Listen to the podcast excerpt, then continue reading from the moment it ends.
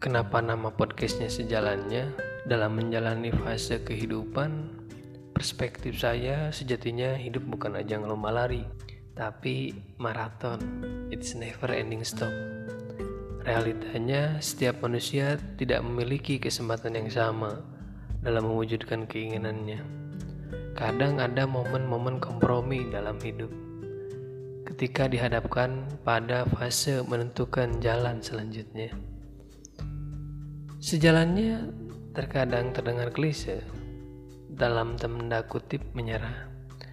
Tapi saya percaya mengambil langkah yang ada juga tidak apa-apa. Seperti menaiki tangga step by step yang mungkin bisa sampai ke tujuan